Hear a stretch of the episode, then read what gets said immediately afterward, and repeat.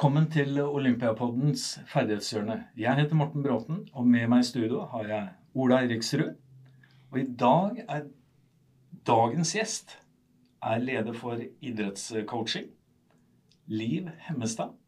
Velkommen. Takk. Det er veldig godt å ha deg her i studio.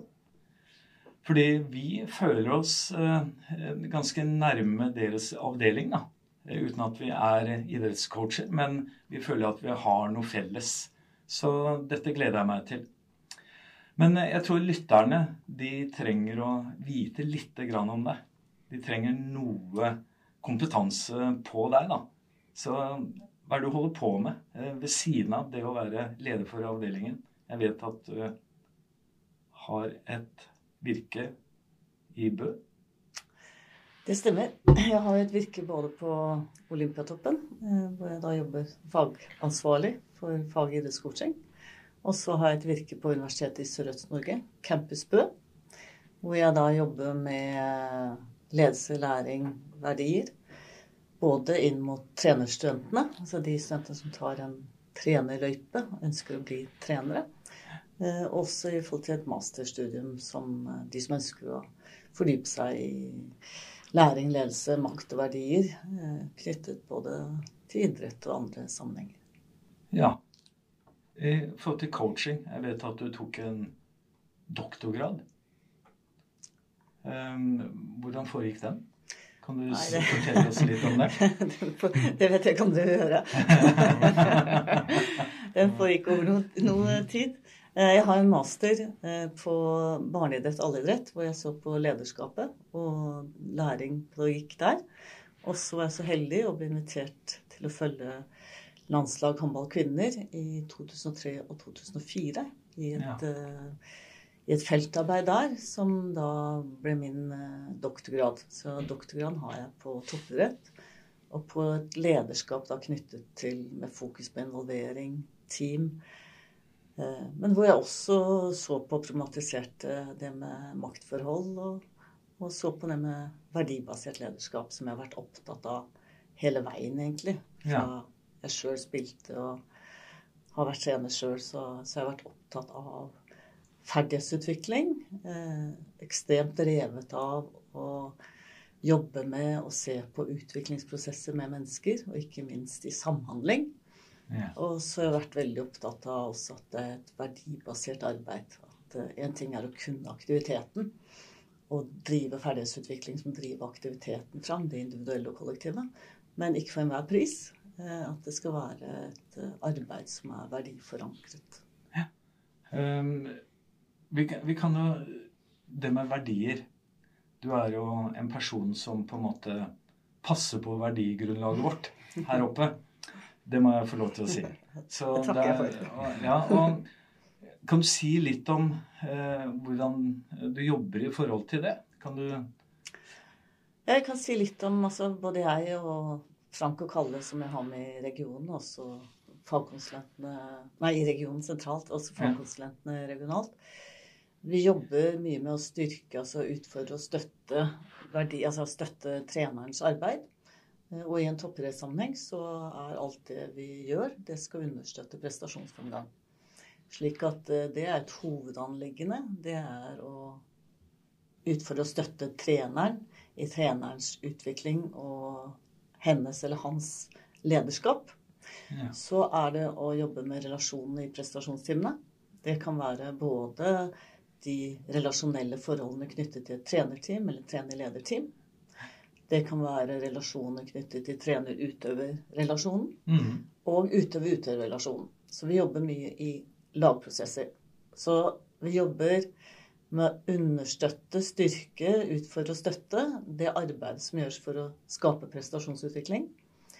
Og så jobber vi da med eh, de verdiene eh, som til enhver tid laget, gruppa, treneren ønsker å navigere etter.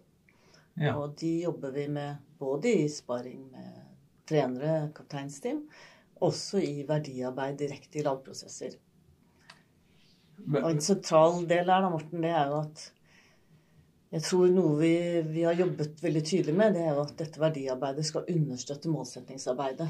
Slik ja. at uh, vi skal et sted, og så er det på en viss måte. Og det må vi jobbe kontinuerlig med, på samme måte som vi jobber med ferdighetsutvikling.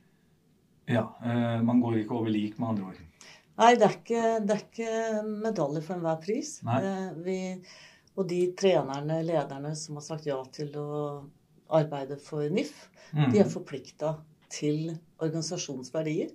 Slik at eh, de aktivitetsverdiene, altså idrettsglede, helse, ærlighet, fellesskap, det er verdier som vi til enhver tid er forplikta til å jobbe etter. Eh, heldigvis, fordi det er en god guiding. Og så er jo toppidretten sånn at vi står Altså, vi, vi jobber jo på marginer. Mm. Vi er i et spenningsfelt. Vi er i mange verdidilemmaer. Fordi vi jobber altså F.eks. spenning mellom prestasjon og helse. Der er det Der er vi Vi ligger ofte på marginer, og da skal vi alltid jobbe verdibasert, sånn at vi skal søke hele tiden å komme på rett side. Så vi tar vare på en helhetlig utvikling. Person, personlig vekst i seg sjøl. Samtidig som vi klarer å spisse og være helt rå på, på det øverste prestasjonsnivået. Det er en kjempekrevende balansegang. Ja. Og derfor trengs det å jobbes kontinuerlig i det spenningsfeltet. Da. Verdier og kultur. Eh, liksom, hvilken sammenheng har det i den jobben dere holder på med? Hvis du kan beskrive det for lytteren. Altså, kultur er jo alt det vi sier og gjør, og alt det som eh, vi kommuniserer gjennom våre språk og praksiser. Mm. Eh, og derfor er jo treneren en ekstremt viktig rollemodell, eh, kulturbærer. Mm. Eh, derfor vil kapteinsteam være et viktig rollemodell og kulturbærer. Så det å jobbe med tydelig At det lederskapet skal være veldig tydelig forankra i noen verdier, Mm. det har ekstremt stor betydning for hva slags kultur som, som etableres. Så en prestasjonskultur godt forankret i verdier, det vil man lett kunne se. Du hører det på språket, du ser det på handlingene. Mm. Det er veldig synlig. De som har jobba mye med det, det er ofte mer synlig enn der de ikke har vært jobba så mye med det. Er det forskjell på å jobbe med lag og idretter hvor det handler om det individuelle?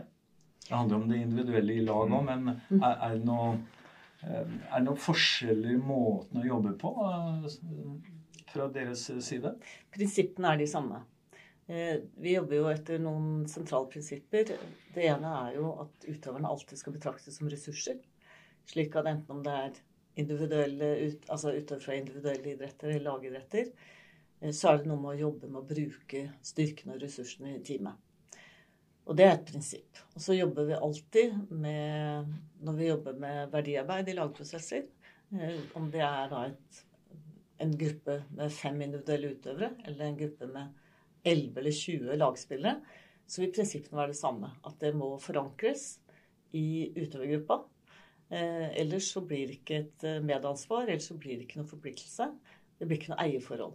På samme måte som når man jobber med trening og treningsprinsipper. Altså utøverne må, må gjennom gode dialoger, eh, gode samtaler med trenere, andre, hverandre, utvikle den kompetansen og få et felles eierskap til det de ønsker å gjøre. Og det er akkurat det samme det gjelder med verdier.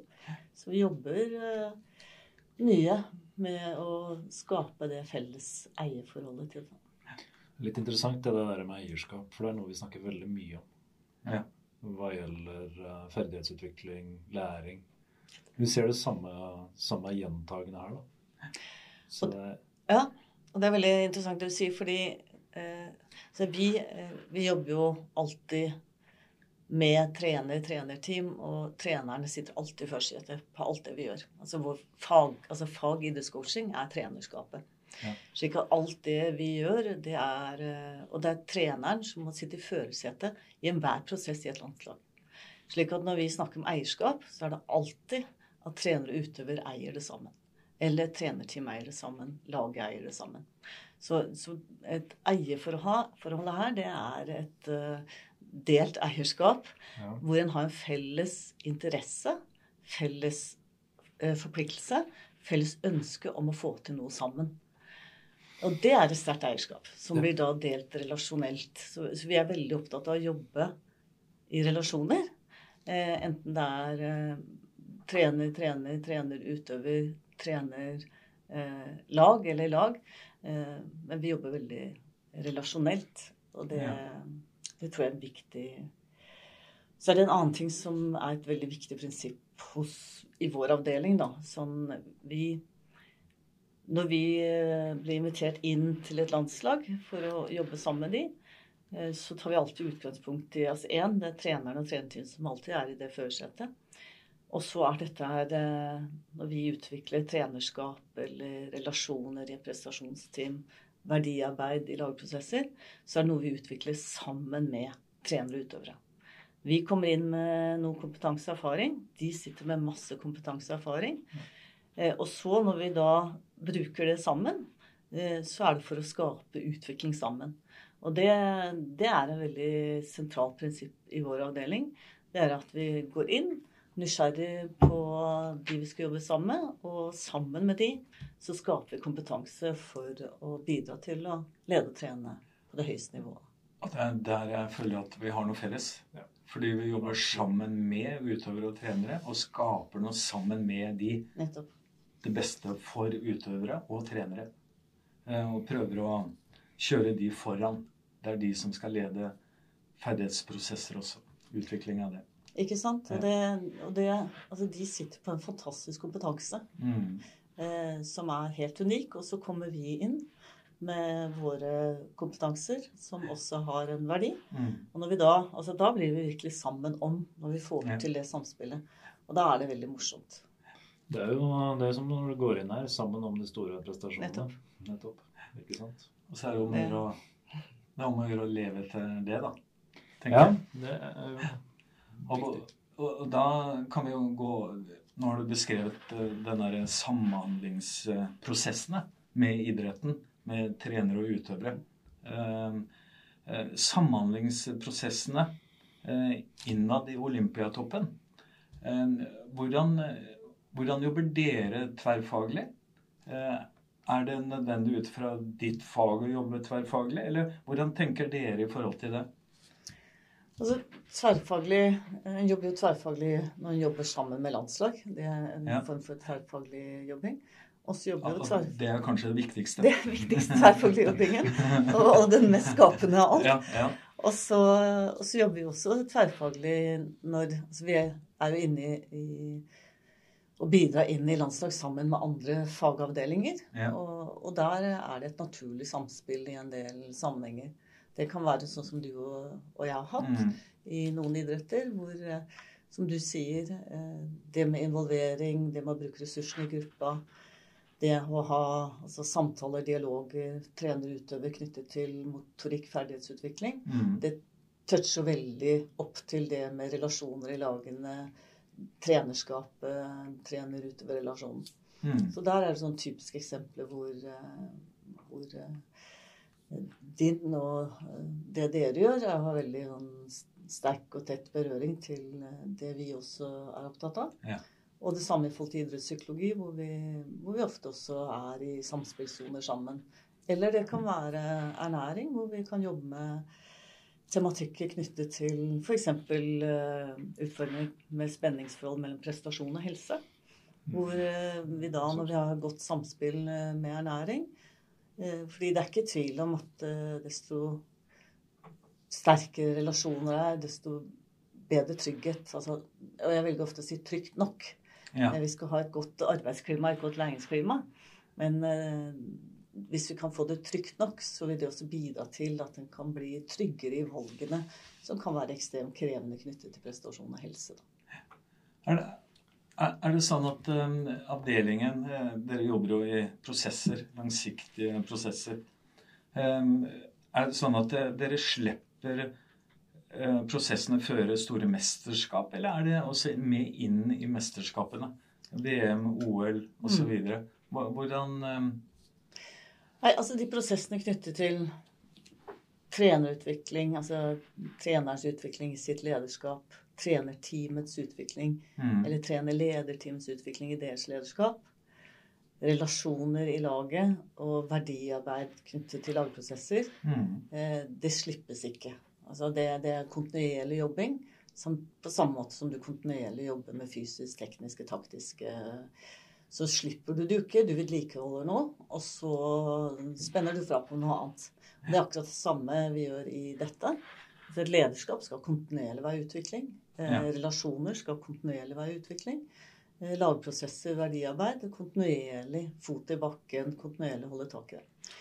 Så det holdes tak i, og, og ikke minst så er det viktig når mye står på spill. ikke sant? I en Mm. type konkurransemesterskap så er det jo ekstremt viktig å holde tak i det. Vårt mål er alltid at uh, dette er det først og fremst trener, trenerteam og lagene som holder tak i. Og så er vi bidragsytere, sparringspartnere.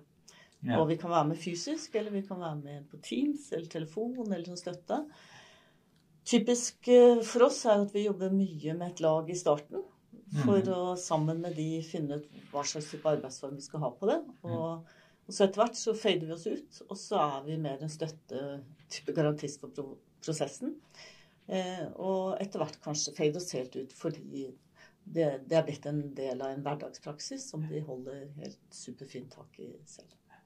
Digital oppfølging kontra fysisk oppfølging. Er du sier at dere er mer på i en startfase, kanskje? Ja, det er hvordan, naturlig. forde, ja, hvordan fordeler dere den digitale og den fysiske? Er det sånn 50-50, eller er det viktig å være til stede fysisk? Ja, altså vi jobber jo med menneskekunnskap. Så Mm. mye av det vi jobber med, er jo knyttet til verdiarbeid, relasjoner. Vi jobber jo med mye som handler om, eh, om kommunikasjon, om relasjon. Mm. Og da er det ganske viktig å kunne se på hverandre, eller kunne ja, være fysisk til stede. Sånn at eh, Og det skjer Altså det er viktig å fange opp hva som skjer i det fysiske rommet. Når vi har jobbet mye med en trener eller trenerteam eller et lag, eh, så er det lettere å hente opp på Teams eller telefon. Eh, Og det gjorde vi jo i covid. Og det fungerte veldig godt, syns jeg, med de for egen del, de lagene jeg hadde jobbet en stund med, og de trenerne jeg hadde jobbet en stund med, og trenerteamene.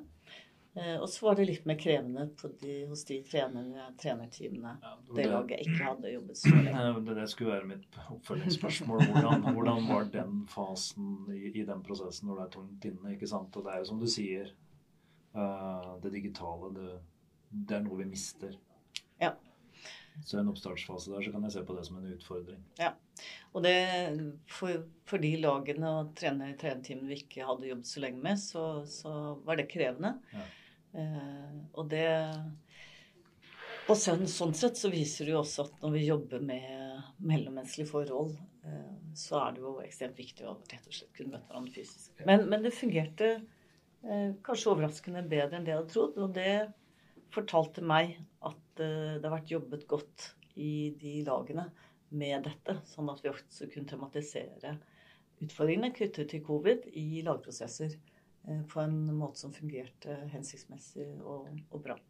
Jeg er jo nesten inne på en, nesten en slags læringsmodell her. for du, Det blir på autonomt. Det automatiseres. Du må ha vært i prosessen. Du er være mer selvgående. Kan selvjustere. Så ja, interessant. Og så er det litt av det noen trener, trenerteam, lag sier. Det å ha en som ikke er en del av, av gruppa. Det at det kan komme inn en som eh, ikke tilhører noen sted annet enn er en, eh, skal være en ressurs. Det kan være en eh, viktig ressurs i sånne typer prosesser. Ja. Det, en kan stille en litt annen type spørsmål. En, en har en på et vis en liksom ganske fri posisjon, selv om vi alltid er Altså vi er jo alltid trenerens Vi er trener trenerteamets eh, primært Derfor trener-trenerteamet. Mm. Vi, vi kjenner oss litt igjen i akkurat det du sier der. Um, Du har nevnt relasjon en del ganger her. Um, relasjon Hvis lytteren skal vite hva du legger i det, hva, hva vil du fortelle oss om det? Hva ligger i relasjon for din del? Hva er det du jobber med da? Hvis du kan konkretisere. Er det, er det tillit? Er det bekjentskap? Er det at man har en dialog hvor man kan skape noe? Eller hva, hva er det som ligger i en god relasjon? Jeg liker å si en god nok relasjon. God nok, ja. God presisering. Eh, For meg så handler relasjon veldig mye om det som skjer mellom. Ja. Det som skjer eh, mellom oss her. Ja. En relasjon kan også være noe som skjer mellom ski, snø og en utøver. Så relasjon er alltid det som skjer mellom. Nå snakker vi om det som skjer mellom Ja, mennesker. ja. Eh, og da er jeg opptatt av at det som skjer mellom mennesker, eh, skal være godt nok til at en får høy kvalitet på det en ønsker å gjøre sammen. Mm. Og så skal det i tillegg være respektfullt. Sånn at en, eh, en, skal, en skal vite at eh, vi jobber i henhold til de verdiene vi både har sagt ja til og er forplikta til. Vi skal bidra til et godt fellesskap. Vi skal bidra til at vi kan jobbe beinhardt og samtidig ha idrettsglede. Mm. Og vi skal ha en ærlig som er ærlig nok til at vi får sagt godt nok hva som er viktig. Eh, og så skal vi bidra til at vi har det på en god måte i forhold til prestasjon helse. Det, det er noe av de hoved... Så er det noe med en relasjon, da, og jeg tror altså det med godt nok, det er viktig.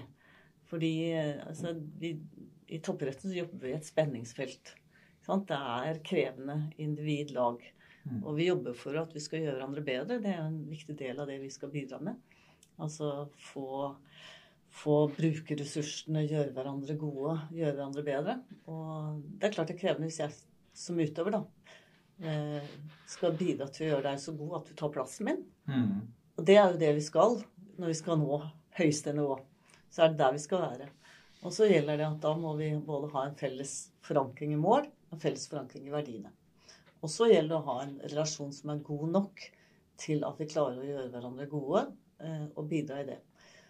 Og den gode effekten av det kan jo være at man blir veldig gode venner. Alle har et vennskap som vi har sett tydelig hos uh, Therese Johaug og Mai Bjørgen. Som, ikke sant? Det, det kan være en positiv bieffekt. Og så er det noe med at uh, utgangspunktet er å god nok i den relasjonen. Og til å ha et respektfullt og et forhold som bidrar til å skape den kvaliteten i det vi ønsker. Helse nevnte du her. Helse og prestasjon nevnte du i en, en og samme setning. Og så er det kanskje farlig å si helse versus prestasjon. Ja. eh, hvordan balanserer, balanserer dere det?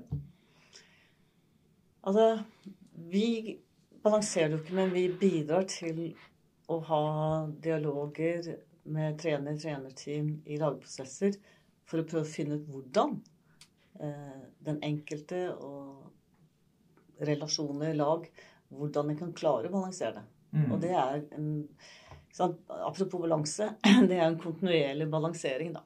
Hvor du, hvor du noen ganger er litt uh, Altså vi, vi går på en litt sånn knivsegg innimellom, og, og noen Det vet vi at det er noe av de spenningene vi gjør. Mm. Og så er det noe med å, å klare å hele tiden regulere, sånn at vi klarer å få til en god, god balanse. Og det handler jo mye om å tematisere de utfordringene som er. Mm. Altså rett og slett eh, snakke om det. Og, og også snakke om hvordan en skal klare å balansere best mulig, og hvilken støtte en trenger fra trenere, trenteam, helseteam i gruppa for å, å klare å, å, balansere det. Så hvis vi ikke tematiserer det, så er det veldig vanskelig å balansere det. Ja. Har du noe mer i den eh, leia der eh, som du vil stille? Nei, jeg synes det er liksom Vi har jo toucha på det i tidligere podkaster òg, den her, her balansen Ja. eh, mellom Og det er jo som du sier, du ligger og pusher grenser. og for å, for å vite hvor grensa er, så er det noen ganger du vipper litt over på andre sida, og så er det å å korrigere seg. Da. Men da er det jo å sette det på agendaen og ha en tematikk rundt det, som du sier. Hvis vi ikke, hvis vi ikke snakker om det, så tror jeg vi, vi bommer litt og kanskje vipper litt over på den andre sida, som ikke er så ikke er veldig bra. Det er jo Altså, kan jo høres litt sånn eh, Men det er jo på samme måte som hvis du vil ha til et godt Hvis vi jobber for å få til et godt skjær, da, i f.eks.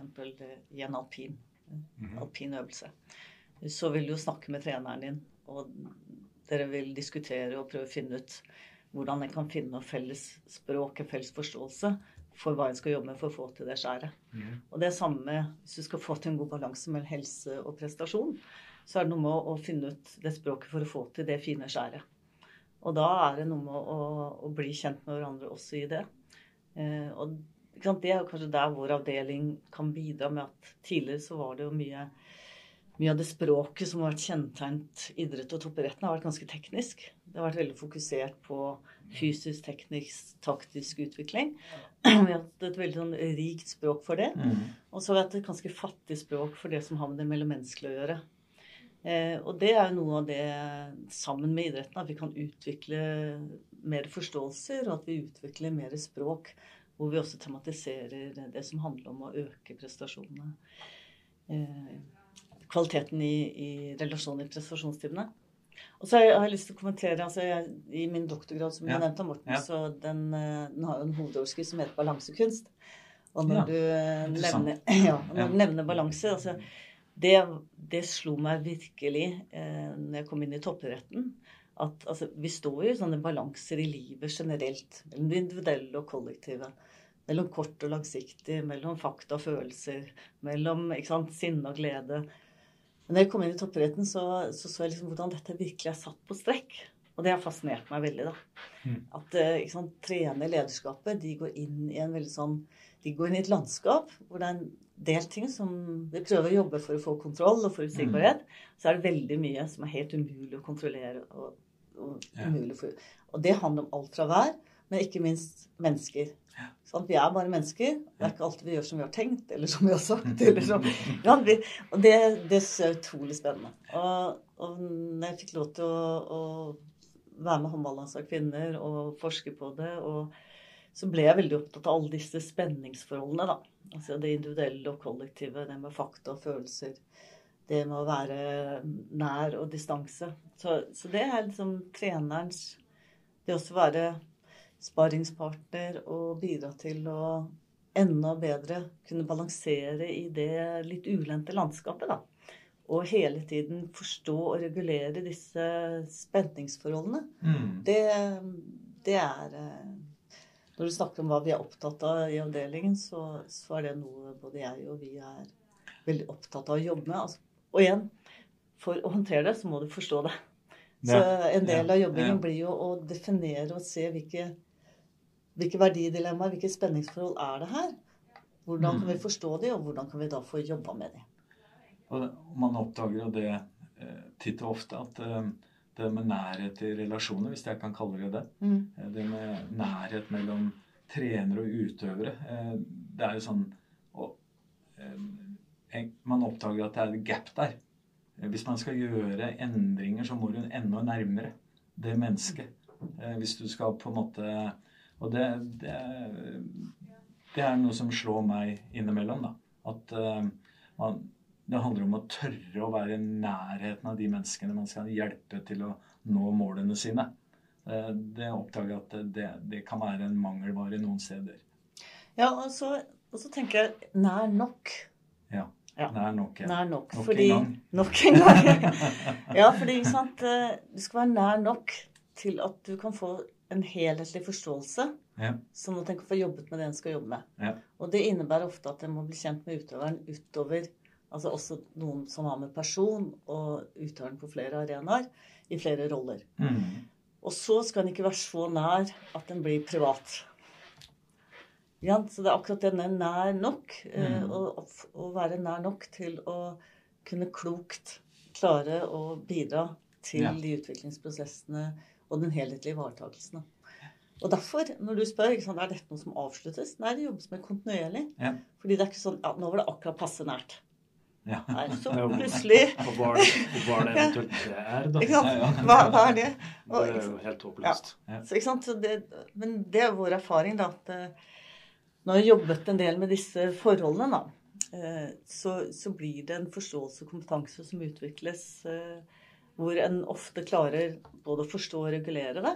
eh, Og, og at den, eh, den gjøres på en veldig fin og, og klok måte. Og så var det jo eh, i en tidligere podkast her, Tore var jo her Ja. og snakka Han trakk fram ett bilde uh, fra Beijing, uh, Birkerud, før siste run. Da er det en veldig nærhet i den relasjonen trener-utøver. Den var veldig nær, Mm. så det ut som. Så den var i hvert fall innafor nær nok, da. Men det var jo sånn, et veldig sånn fint bilde eh, på en relasjon. Da. Mm. Og det, ikke sant, Det syn, ble synliggjort Ja. veldig der, da.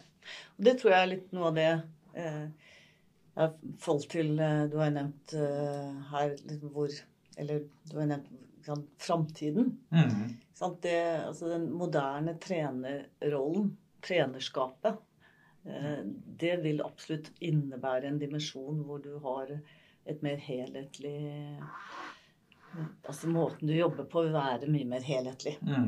Slik at det å bli kjent med utøveren uh, på en mer helhetlig måte, det, det, ligger som en naturlig del av den moderne, moderne rollen. Så i tillegg til da å reise ekstremt mye og, og egentlig ha en, en, en, jobb som er ekstremt krevende de fleste dager i hele året, eller de fleste vil si alle dager hele året, mm. så har den blitt utvida med at du skal også være rågod. Altså du skal være rågod på aktiviteten, fysisk, teknisk, taktiske. Ja. Du skal også være rågod på den mellom, mellommenneskelige kompetansen. Eh, så det, det, er høye krav. Eh, men det er det som skaper de store og beste øyeblikkene òg. Det er nettopp fordi man deler eh, kan, jeg, kan jeg, få lov å fyre inn et lite spørsmål på sidelinja der? For det, det, det syns jeg er veldig spennende og det synes jeg er veldig interessant. Uh, og her tenker jeg jo på f.eks. da vår neste generasjon med trenere. Uh, hvis du ser det som litt inn i akademia, og hvordan vi, vi underviser og fostrer uh, mm. våre neste trenere, så vi, blir vi jo litt sånn smale når vi blir inne i noen sånne bokser. Hva, hva, hva tenker du om det, og den derre hyperspesialiseringa som mm. til en viss grad skjer. da. Altså Jeg fokuserer på de elementene mm. her, mens du har de elementene her. Det mm. blir jo litt sånn boksete. Mm. Hva, er det en utfordring liksom, for neste generasjons trenere? Ja, altså, og nå snakker jeg litt sånn at jeg har jo et jobber med trenerstudenter på Campus Bø på USN, og erfaringen med trenere i praksis. Jeg tenker, altså En trener er på en måte en generalist. Sånn du må kunne aktiviteten din fantastisk godt. Mm. Og så må du være litt fysiolog, du må være litt sosiolog, du må være litt biomekaniker. Du må være Først og fremst må du være pedagog. Fordi pedagogikk handler om læring, og det handler om å utvikle individ og grupper. -hmm. Så jeg tenker jo kravet til den generalisten vil fortsatt være mm. at du, du, må være den som har en helhet og overblikket, og du må forstå både de mer tekniske delene og de mer mellommenneskelige delene. Og så tror jeg, som du sier, jeg tror eh, det er én, én utfordring utdanningen har, og det er at den blir for teoretisk. Eh, jeg, jeg, mener at skal, altså, vi, vi, utdanner Vi må utdanne de i praksis. De må være For å kjenne på kroppen alt dette vi snakker om, mm. det, det må du kjenne på kroppen, og du må utvikle det kroppslig.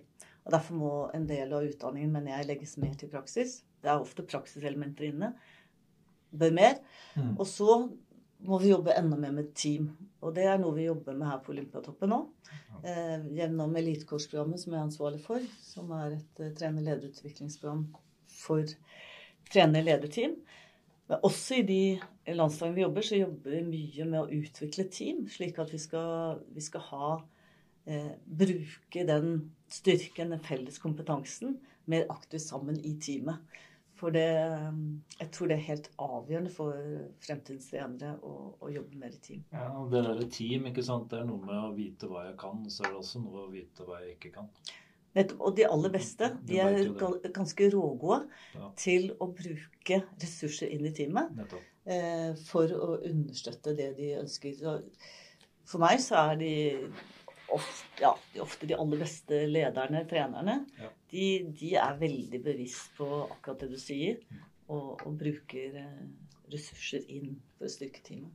Ja, for Det er ikke noen tvil om at helhet, konsekvensen av det, handler om eh, flerfaglighet. da, mm. Inn mot team eller denne mm. utøveren eller hvem det måtte være. Men jeg har lyst til å gå litt tilbake til det, eh, relasjoner. Eh, er det mulig å bruke opp en relasjon for utvikling mellom to mennesker? At det, det fins ikke noe eh, Nå har vi brukt opp relasjonen oss imellom, sånn at nå, nå, må vi gjøre noe annet, liksom. Er det, hvordan Eller snakker du om at det, er, det går an å ut, utvikle mange år så lenge det går an, liksom? Eller er det en stopp en gang mellom to mennesker?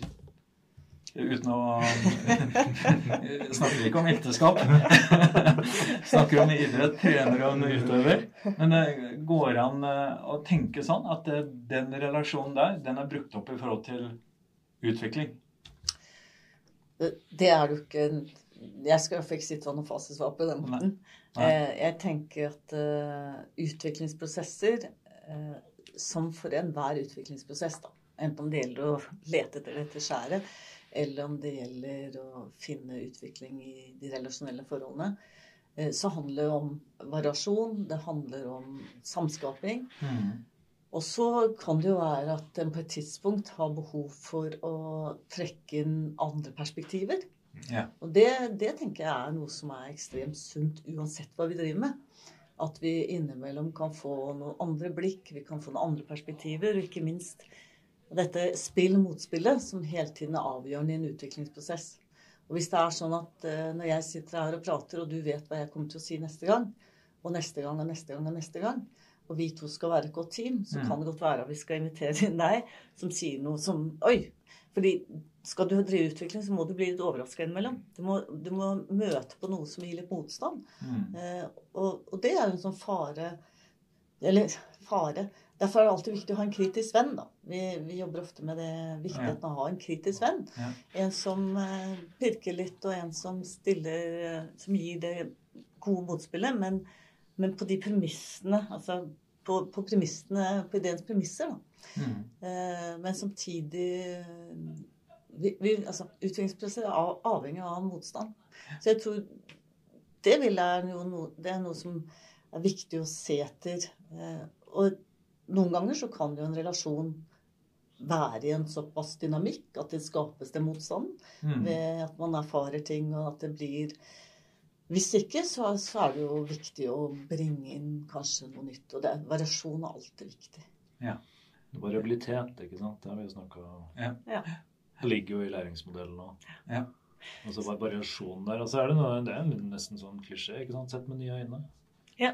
Og det er jo i aller høyeste grad relevant, for det går deg jo litt fast, ikke sant? Kanskje. Ja. Tunnelsyn er jo også en sånn ja. uh, Ikke klisjé, men det er jo et, en, en, term som brukes der. Ja. Sånn, ja. Samtidig så altså Når det er sagt, er jeg helt enig. ikke sant? Dette med det å uh, se med nye øyne, nye briller. Og samtidig, så, og det er viktig å si, kanskje spesielt Eh, for oss da i sparing med trenere og trenerteam, eh, så kan det være nettopp det at vi har blitt godt nok kjent over lang tid. Ja. At eh, det er skapt et rom da, som gjør at, at, at nettopp den samtalen, den, det spill-motspillet, er skapt fordi en også har jobbet sammen over tid. Mm. Så, men igjen, ikke sant, en vil kjenne på at, at, det er der, og er det der. Eh, så, så, kan eh, den relasjonen være veldig hensiktsmessig over lang tid. Og, og hvis den flater ut, som du sier, da, eller som dere sier, da, da, kan det være at det kan være en ny person som mm. Men det krever også ofte tid å bli godt nok kjent til å skape et av det som Tom Remlov, tidligere direktør for Riksteatret, kalte et fortrolighetsrom. Som, ja. Eh, som også er viktig for en treende leder å ha, som ofte sitter litt aleine på en ja, men eh, det der, ikke sant? Og det er relasjonen som gir deg den takhøyden for å kunne gå inn i den dialogen. Mm. Og få det motspillet, motspillet, ikke sant.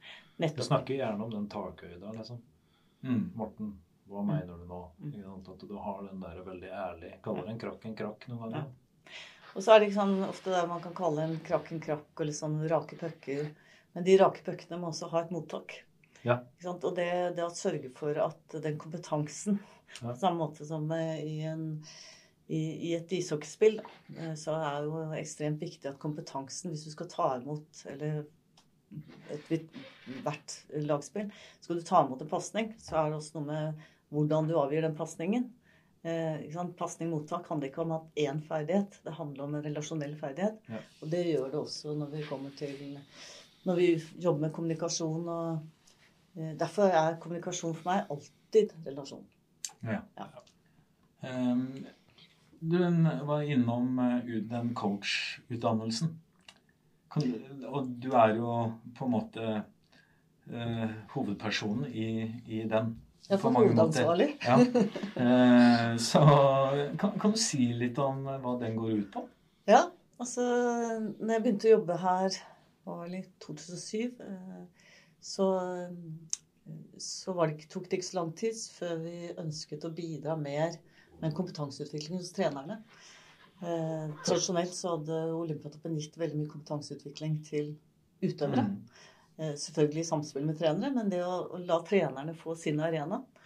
Og da var jeg ansvarlig for Olympiatoppenes Olympiatoppen samarbeid med Universitetet i Sørøst-Norge. Og designe og gjennomføre og evaluere for så vidt et program som heter Elitecoach-programmet, og som vi også setter i gang nå i august.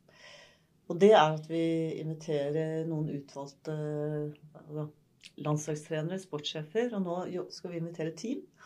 Eh, hvor vi har eh, en fokus på trener- og lederutvikling som handler først og fremst om lederskapet knyttet til disse mellommenneskelige faktorene. Mm. Og mye av det vi har snakket om, å forstå og håndtere spenninger, maktforhold, det å jobbe med type kvalitet i relasjonene, Eh, så den eh, mellommenneskelige delen av lederskap og teamtenkning, ikke minst, mm. styrke relasjoner, styrke team, eh, den er en del av det. Og da har vi det er et toårsprogram som har to samlinger i halvåret.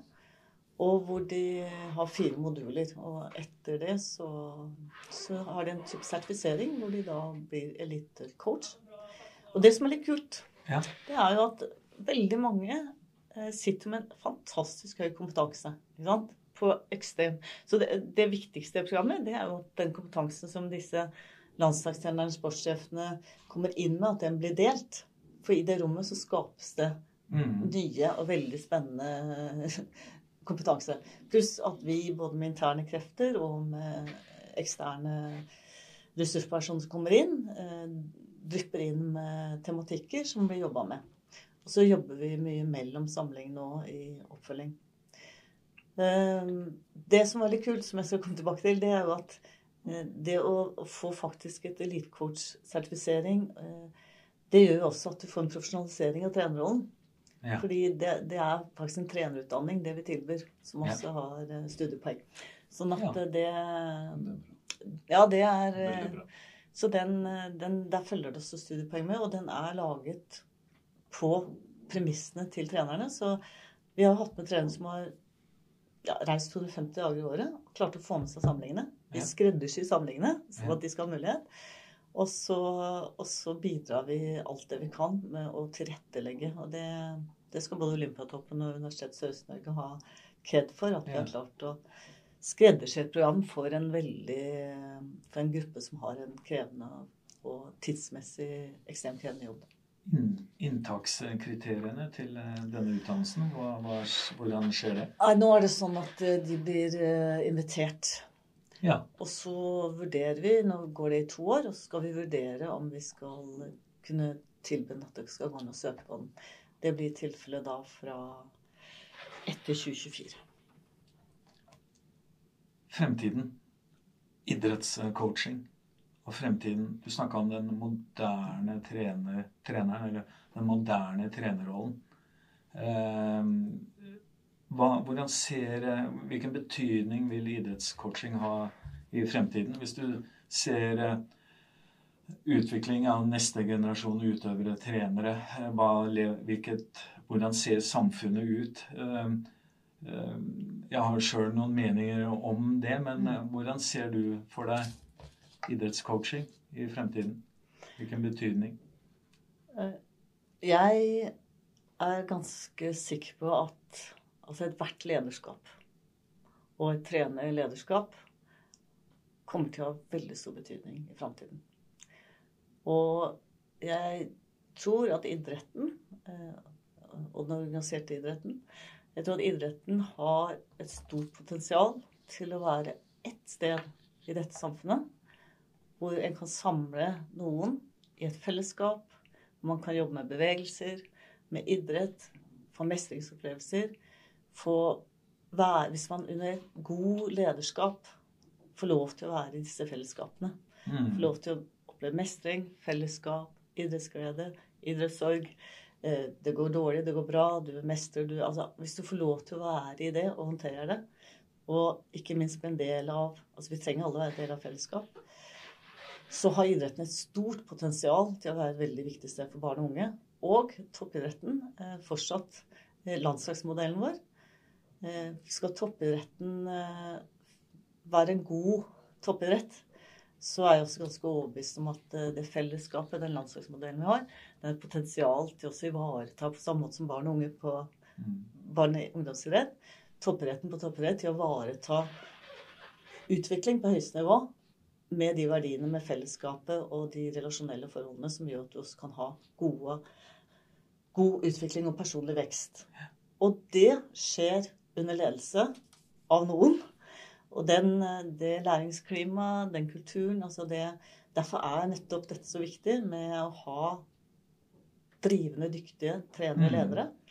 Eh, og, men det er krevende. Men jeg tror viktigheten av det i framtida eh, Det type lederskapet, og det må jobbe med verdiarbeid i lagarbeid. Uansett hvilket nivå vi snakker om, så tror jeg det, det Og det er vårt inntrykk, da. At det blir bare Fra praksis opplever vi at det blir bare viktigere og viktigere. Eh, og det blir mer og mer fokus på det. Og jeg tror samfunnet vårt også Toppidretten trenger det. Samfunnet vårt eh, trenger det. Jeg helt eh, støtter deg veldig. I- Istemmes. Ja. Istemmes. Nei, jeg, jeg tenker liksom jeg, jeg, jeg, Dette her toucher jo egentlig på det her hva, anbefalinger hva gjelder barne- og ungdomsidrett nå, for du er jo innom det nå. Mm. Og jeg jobber jo også som trener i barne- og ungdomsidretten, og jeg ser akkurat det du sier. Mm. Og det er stort uh, sprik Mm. der ute. Mm. For å skape den der eh, mestringen og inkluderinga som du, som du snakker om. Som, Mm. eh, Nettopp. som er så utrolig viktig. Og den her nøytrale arenaen som Mm. idretten og aktiviteten som fellesnevneren Mm. som vi jobber sammen om. Og det er for både meg og Kalle og Frank, som jeg jobber sammen med, en stor motivasjonsfaktor. At, det, altså, at det, de barn og unge skal utsettes for et veldig godt trenerlederskap. Derfor er det, og eh, landslagsutøvere skal utsettes for et godt trenerlederskap. Landslagsmodellen eh, skal styrkes. Og felles, eh, altså fellesskapet, modellen for barn og unge. Ja. Eh, og da, da er trenerlederskapet en helt, sent- altså, helt sentralt. Ja, det er helt, helt, helt grunnleggende for at det skal funke. Og det å styrke det Og det opplever jeg det gjøres noe med å styrke trenerlederskap. Og jeg opplever Olympiatoppen har gjort det her eh, tydelig eh, over tid nå. Og, og særforbundene. Og at styrke trenerlederskapet og teamtenkningen. Eh, fordi det, de utfordringene trenere står overfor, enten om det er på barne- og ungdomsidrett eller det er innenfor toppidretten, eh, de er såpass krevende at eh, det er nettopp det å tenke team. Og tenke et godt team som kan håndtere Men det er veldig mye potensial til å få til veldig mye flott hvis en har et godt lederskap til det. Hvis du, når du sier team, du snakker om landslagsmodellen. Hvis du ser på mange av de prestasjonene som norske utøvere har i dag, så er de jo i sine småteam, sine private team. Eh, Hva tror du om det i fremtiden? Vil det være den største utfordringen for eh, eliteidretten i Norge, toppidretten i Norge? At eh, man ser at noen lykkes ved å være i familieteam eller småteam sammen med de trenerne de ville ha rundt seg osv. Hvordan ser du på det, Liv? Er det Jeg tror nok det ligger som en utfordring. Mhm. eh, At, eh, det handler om at eh, det er så mye kommersielle interesser og så mye fristelser. Yeah. Og, de, og så tror jeg at nettopp derfor det å styrke landslagsmodellen, ved å styrke det, den muligheten vi har For der kan vi ha mulighet til å ha et veldig godt fungerende lederskap. Vi har mulighet til å ha mye ressurser inn i, i teamene. Og vi har mulighet til at de kan dele og bruke den kompetansen. Altså og der tror jeg at slik som det er i dag, så tror jeg de fleste ser verdien av det. Og så Ja. vil det komme fristelser hvor en kan eh, få litt mer penger, eller kan Men da skal en også vite veldig godt hva en velger vekk. Og, og derfor Ja. tror jeg at eh, de fleste som er drevet av en veldig driv på utvikling, eh, så lenge vi styrker landslagsmodellen og jobber med videreutvikling, så tror jeg at det kommer til fortsatt å bli det beste stedet for utvikling. Men det kommer til å bli fristelser. Eh, ja, for det var en akkurat det jeg skulle spørre om. Det Styrke, men eh, vi må vel videreutvikle den landslagsmodellen og Absolutt. tilpasse den til dagens oppvoksende generasjon. Absolutt. Eller fremtidens, da. Ja, absolutt. Ja. Du, men altså, du bygger jo den der Vi er inne på barn og unge igjen, da. Hvis du bygger den der læringskulturen, du får den inn eh, tidlig og godt der. Og så understøtte den videre inn i, inn, inn i landslag. Men det, det er jo, det er jo et, en utfordring, og det er jo en Fristelsen det er jo der, og du, du ser jo at den er under press. Um, Det med klubbtrenere, trenere rundt omkring i Norge um, eh, Du har jo kommet med noen anbefalinger, men kan du være litt mer konkret og direkte i noen anbefalinger ut til eh, Idretts-Norge? Eh, Er det mulig? Eh, i forhold til trenere og ledere på klubbnivå, Mm. på idrettskretsnivå osv.? Kan du kan du være konkret på noen anbefalinger der sånn, som du tenker deg? Sånn som du ser det i dag? Ja, altså jeg kan konkretisere noe av det jeg også snakker med trenerstudentene om. Ja. Eh, altså det å En, eh, når du sier ja til å være trener, så, så sier du ja også til å jobbe verdibasert. Ja. Så det ene anbefalingen er jo å, å jobbe systematisk på samme måte som du skal jobbe med utvikling. Altså, og det kan godt altså På barn eh, og på de yngste så har vi mye idrettsglede idrettsleik. Men det er ikke moro hvis du ikke mestrer. Mm. Så, så på ethvert nivå så må vi jobbe med eh, Og det betyr ikke at vi skal ta voksenmodeller og, og tre nedover hodet på disse stakkars barna. Men det betyr at vi skal legge til rette for aktiviteter og leikpregede aktiviteter som gjør at de opplever mestringsopplevelser. Så, det, så for meg så er det sånn hele tiden tenke hvordan kan jeg bidra til at det jeg gjør, bidrar til at både den antatt den som antatt Mm. mest motorisk og antatt minst motorisk, men at de alle opplever mestring. For hvis vi opplever mestring på det nivået vi er, så vil vi oppleve utvikling, og det er noe vi er veldig glad for. Ja. Og som vil eh, gjøre oss mer motivert. Så det er det ene, liksom, å, å være ganske rågod på å ta vare på eh, at, det, at det oppleves en mestring i et godt fellesskap, og det å jobbe med, med verdiene kontinuerlig. Så, så det er eh, sånn to hoved... Hvis en gjør det, eh, og så fortsetter å gjøre det, så tror jeg vi har mulighet til å, at mange flere får det morsommere mye lenger. Jeg syns det var en bra oppsummering. En fin anbefaling ut til lytterne. Ja, det er i aller høyeste grad. Det er mestring, ikke sant. Det er så utrolig viktig. Ja. Og, det, og det er jo også noen ganger ganske utfordrende som trener å legge til rette for, fordi du har i anførselstegn sprikende staur. Nettopp.